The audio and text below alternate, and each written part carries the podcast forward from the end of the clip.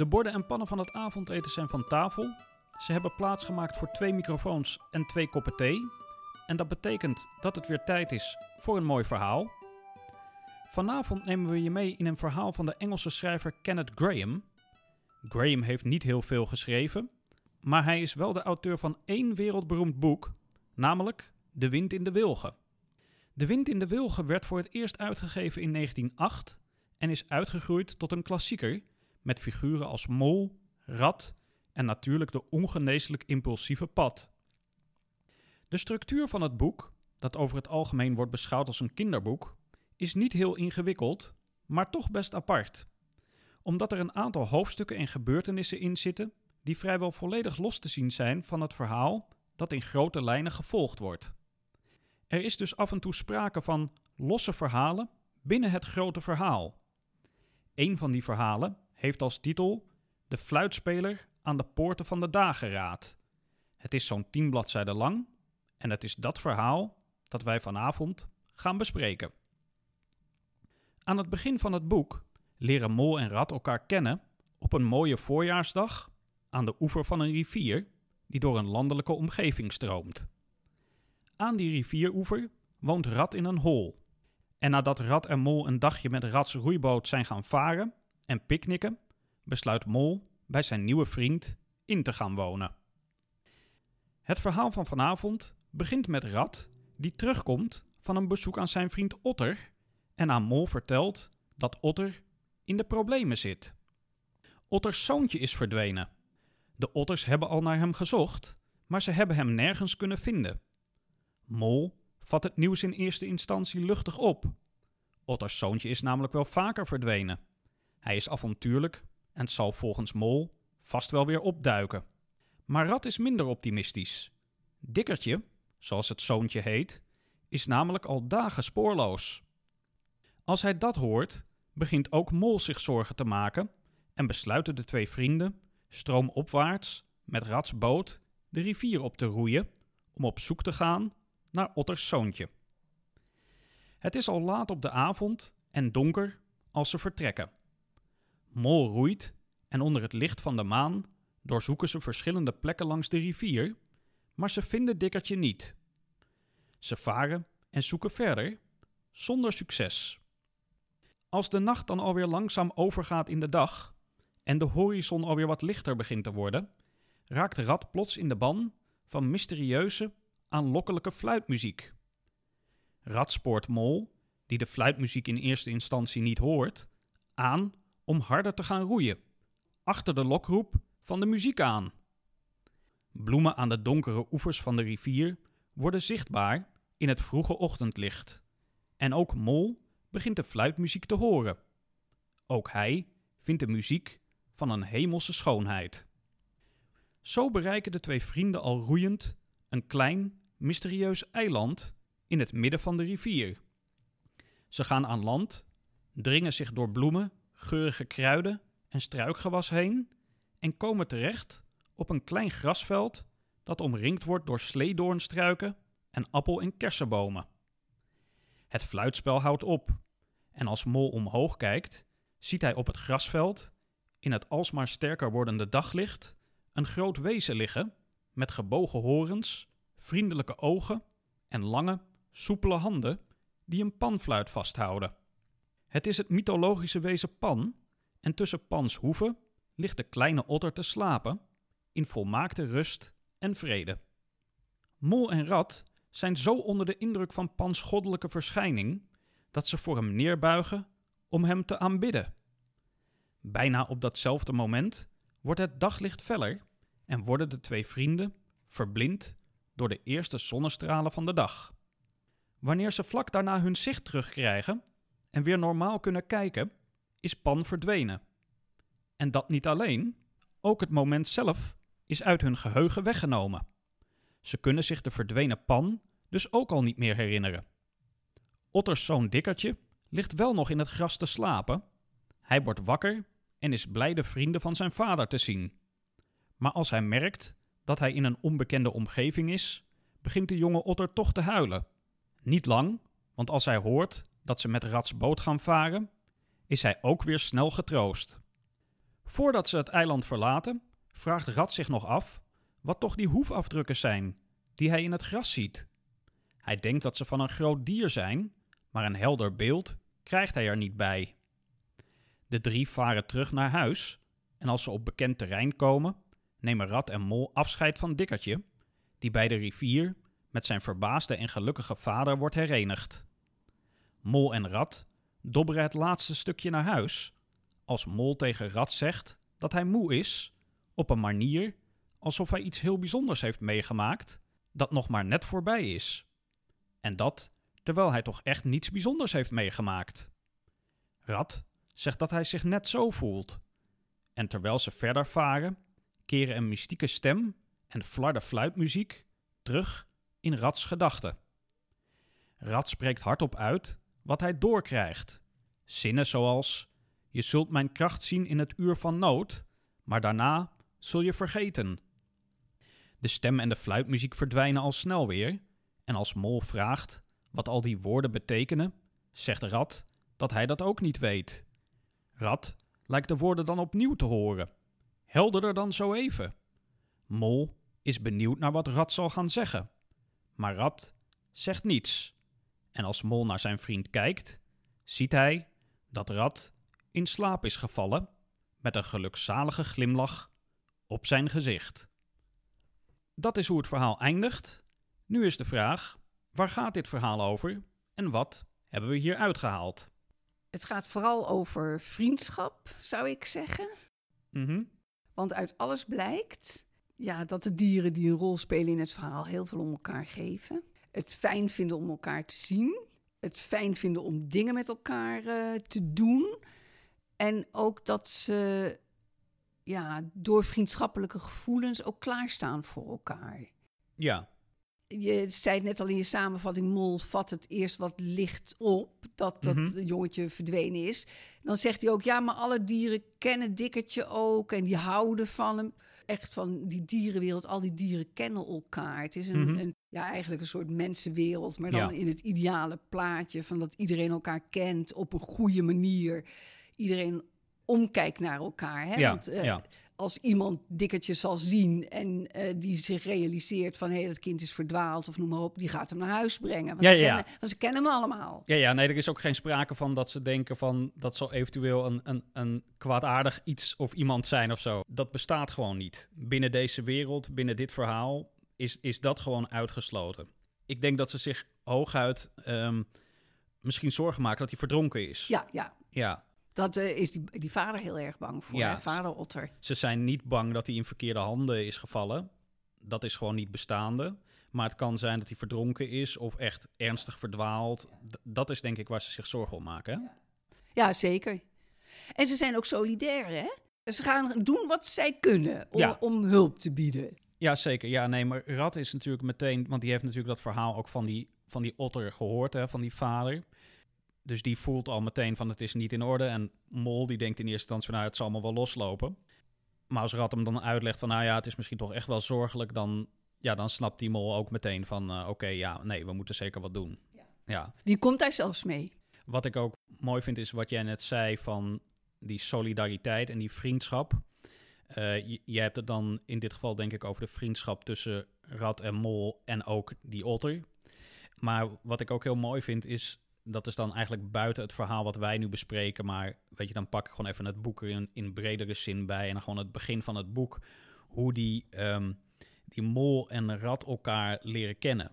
Dat vind ik ook al zo prachtig. En dan als je het over het eh, begrip vriendschap hebt, waarvan ik ook vind dat het heel sterk in dit boek zit, dan dat vind ik zo mooi hoe die mol, ik geloof dat hij net uit zijn winterslaap, hij heeft net zijn eigen holletje opgeknapt of zo en hij gaat dan het voorjaar in, hè? Precies, het is voorjaar. En dan loopt hij daar zo lekker door dat voorjaar. Het is ook die sfeer is ook allemaal heel erg fijn. Hè? Het is eh, lekker, Ja. lekker zonnig. En hij ziet daar allemaal andere dieren die allemaal druk bezig zijn. En hij is gewoon lekker een, een soort plezierwandelingetje aan het maken. En dan komt hij op een gegeven moment bij die rivier. En die rivier, daar is hij nog nooit geweest. Die hele rivier is ook een heel nieuw verschijnsel voor hem. En dat hij daar dan aan die overkant ziet hij dan dat hol van Rad. En op een gegeven moment ziet hij dus ook dat gezicht van Rad in dat hol. En wat ik zo mooi vind, is dat ze, ze zijn eigenlijk gewoon meteen vrienden. Ze, ze kennen elkaar helemaal niet. Mol is daar nog nooit geweest. Hij heeft die rat nog nooit gezien. En ze zijn meteen vrienden. En dat klopt wel. Het voelt Het is niet dat je denkt van ja, maar hoezo? Nee. En dat, dat vind ik ook zo prachtig. Die vanzelfsprekendheid die er in dat verhaal zit. Ook in, in die vriendschap tussen die mol en die rat. Gewoon, hij ziet hem daar. En die, die rat zegt van goh, eh, kom, kom gezellig even in mijn boot of zo, weet je wel. Ja, ja. Ja, ja. en die mol die vindt dat ook leuk, want die is nog nooit op die rivier geweest, nog nooit in zo'n boot. En die Ze zijn stapt. gelijk dikke vrienden. Ja, en ze gaan, ze Ja. gaan lekker varen. Ja. Want je raakt nu ook gelijk al iets van de natuur aan, hè, waarin het zich afspeelt. En dat vind ik ook wel heel erg sterk eh, naar voren komen in dat verhaal. Ja. Dus eh, je hebt die vriendschap van die dieren, Mhm. maar die speelt zich af in een hele fijne natuur. Die beschreven wordt eh, zowel van wat je ziet overal Mhm. als wat je voelt. Eh, De wind, de, de, de hitte, de, Ja, al die geluidjes die worden beschreven. ja, ja. Ehm, je zit zelf ook dan in die natuur. Ja, nee, zeker. Hij, hij neemt je heel goed mee in dat, in dat natuurgevoel. Hij beschrijft ook allerlei bloemen die daar langs die kant van die rivier groeien. Hè? Eh, gewoon al, al dat soort elementen neemt hij heel mooi mee. Ja, en de, en de afwezigheid van, van bebouwing en noem maar op. Hè. Ja, Ik denk zo'n soort plek als waarin dit verhaal zich afspeelt. Daar zal je nu heel erg naar moeten zoeken. Wil je zoiets nog vinden? ja, Ja, ze zijn er weet ik wel. niet, ze zijn er wel. Het is, ja, het is niet echt pure natuur hè, waarin ze leven. Het is niet een pure natuuromgeving. Eh, het, is, het is meer een soort Engels plattelandsomgeving.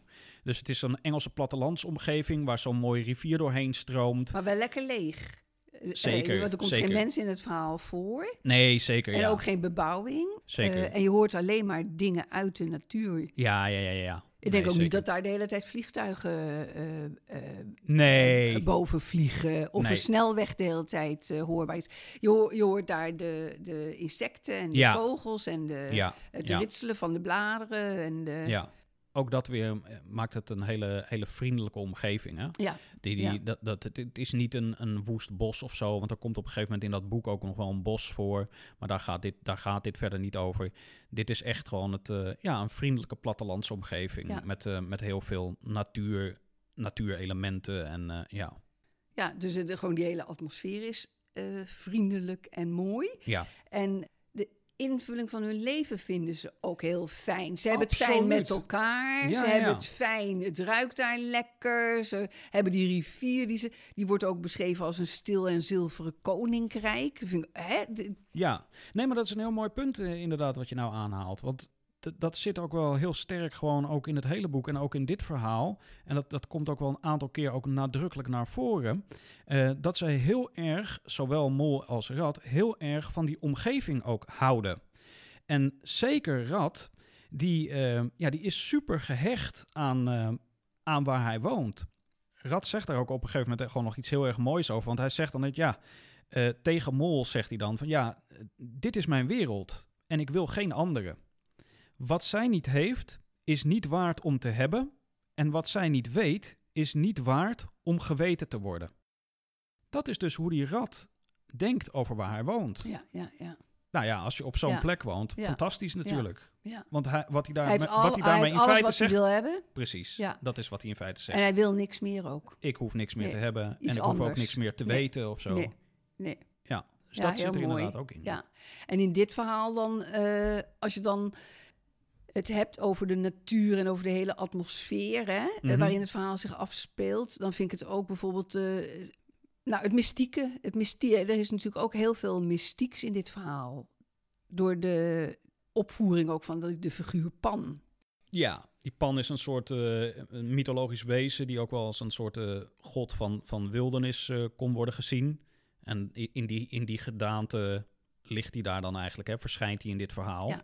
Maar het is ook daar weer, er zit geen moment eh, dreiging in, hè?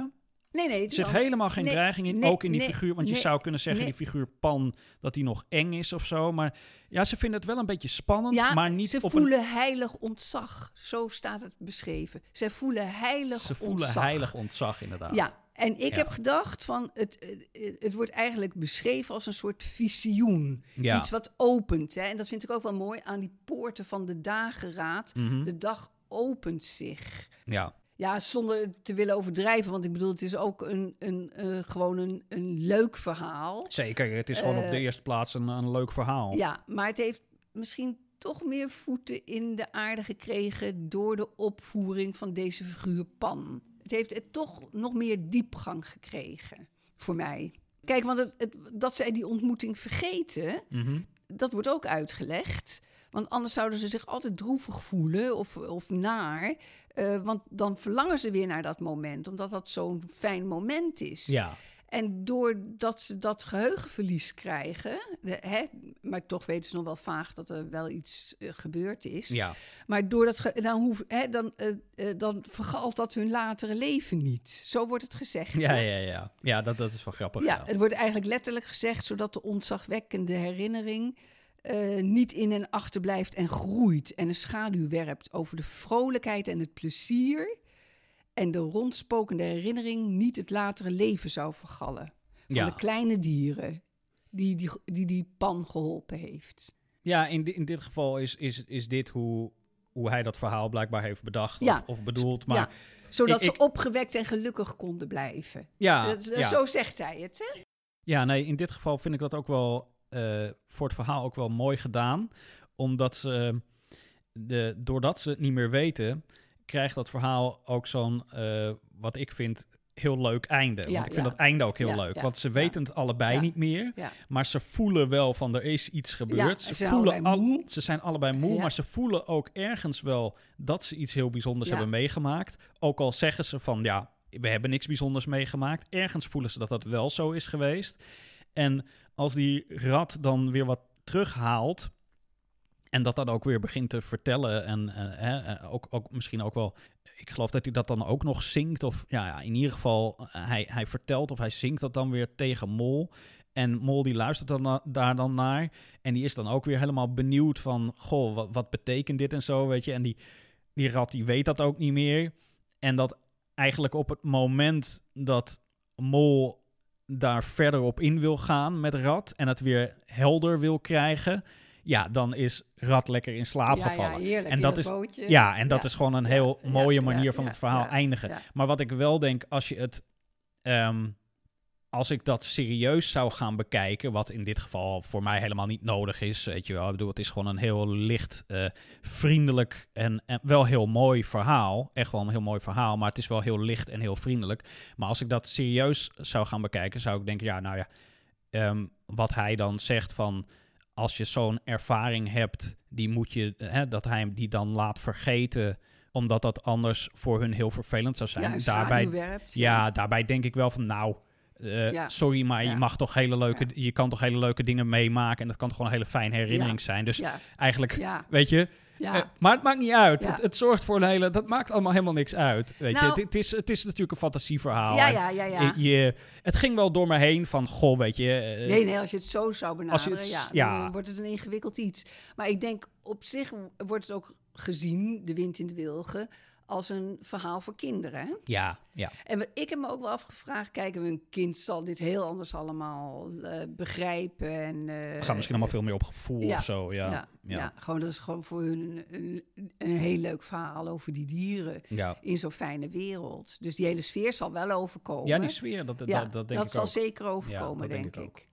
En het kunnen gewoon geliefde dieren zijn waar ze graag wat over horen. Mhm.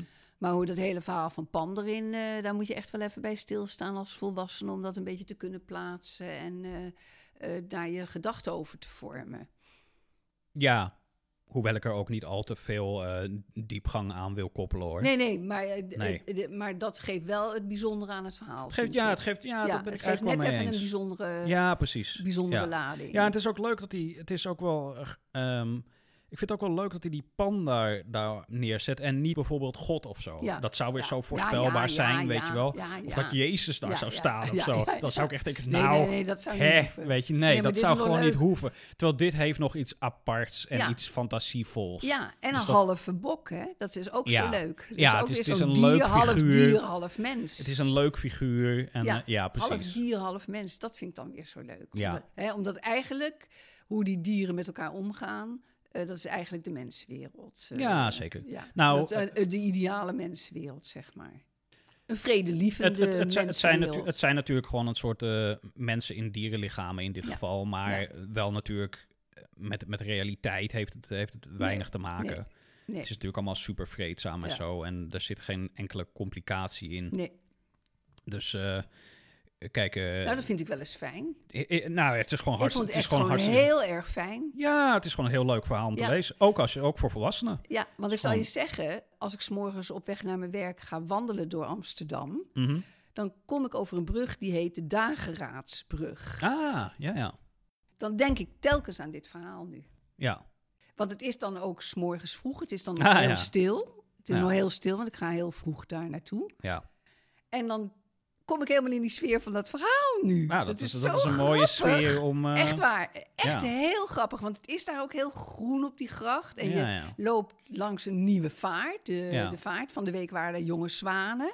Er is ook gewoon heel veel aan de natuur te beleven. En dan denk ik, ja, en zometeen kom ik op die Dageraadsbrug. ja, leuk. Het is echt een heel, eh, heel fijn gevoel. Mooi, mooi.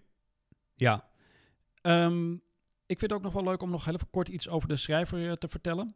Kenneth Graham was een, eh, een bankmedewerker, was het? Oh, Ja, zo En- verrassend. ja inderdaad. Zou Ja, misschien wel, ja. Ja.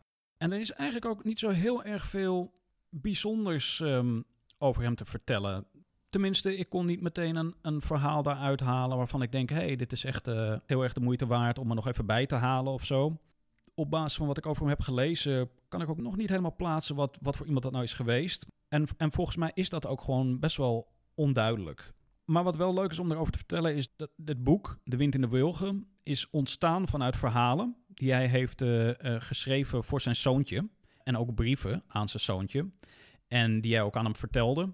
En die heeft hij dus doorontwikkeld ja, tot dit boek, tot, eh, tot De Wind in de Wilgen.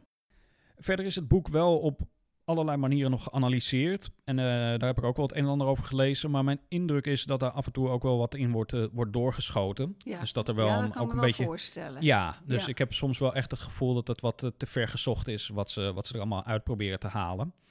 Maar hij heeft er zelf nog wel een keer ook iets, iets over geschreven. En dat vind ik wel iets heel moois. En ik ben ook benieuwd wat, eh, wat jij daarvan vindt. Dus wat hij zelf over de betekenis Ja. van dit, eh, dit boek Ja, heeft Ja, geschreven. oh, daar ben ik zeker benieuwd naar. Ja, dus hij heeft daar zelf wel een keer iets, eh, iets heel korts over geschreven, maar een paar zinnen. Maar ehm, nou ja, hier, hier komen ze. Ik heb het even vrij vertaald vanuit het Engels. Hè? Dus dit is dan wat hij zelf eh, heeft geschreven Ja, over dit boek. ja. Het is een boek van de jeugd. En misschien ook hoofdzakelijk voor de jeugd en voor hen in wie de geest van de jeugd nog levend is. De geest van leven en zonneschijn, van stromend water, boslanden, stoffige wegen en wintervuren. Vrij van problemen, vrij van relationele conflicten. Het leven zoals het misschien eigenlijk wel bedoeld is, zoals kleine wijze dingen het beschouwen, die door het gras en door het hout zweven.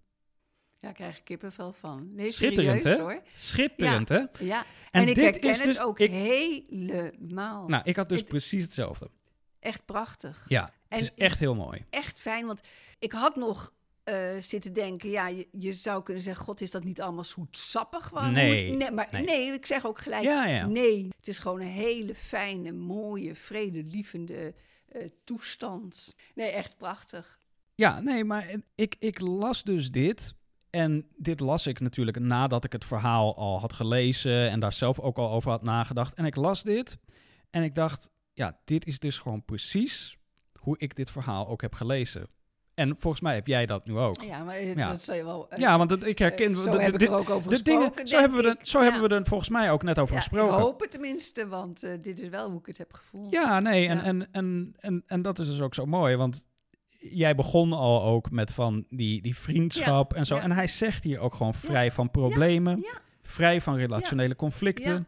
Dus dat is precies die dingen eigenlijk die wij automatisch al ik- eruit hebben Ik, gehaald. heb, ik zei toch ook zoiets van de ideale wereld of zo. Heel leuk. Heel erg leuk. Dan gaan we afronden. Ja. En dan eh, zeg ik allereerst tegen de luisteraar bedankt voor het luisteren. En we sluiten, zoals altijd, af met een fragment uit het verhaal. En dit keer ga ik een fragment voorlezen vanaf het begin van het verhaal. Omdat de sfeer waarin het verhaal zich afspeelt hierin goed wordt getroffen. Het winterkoninkje tjilpte zijn ijl klinkend lied, verborgen in de donkere uitkant van de rivieroever. Alhoewel het al na tien uur in de avond was, bleef de hemel zich vastklampen en bewaarde hij nog een restje van de kwijnende lichtrand van de voorbije dag. De loodzware hitte van de verzengende namiddag viel uiteen en golfde weg door de wuivende aanraking van de koele vingers van de korte midzomernacht. Mol lag uitgestrekt op de oever, nog steeds hijgend van de drukkende atmosfeer van deze vurige dag, die wolkeloos was geweest, van dageraad tot zonsondergang, en wachtte op de terugkeer van zijn vriend. Hij had de dag doorgebracht aan de rivier, samen met een paar makkers, zodat de rat vrij was om gevolg te geven aan een reeks lang gedane beloften aan de otter. Het was nog altijd te heet om er zelfs maar aan te denken binnen zijn huis te gaan. En daarom lag hij op een paar koele zuringbladeren en dacht na over de voorbije dag en wat er gebeurd was en hoe aangenaam alles was geweest. Toen hoorde hij de lichte tred van de rat op het verdroogde gras.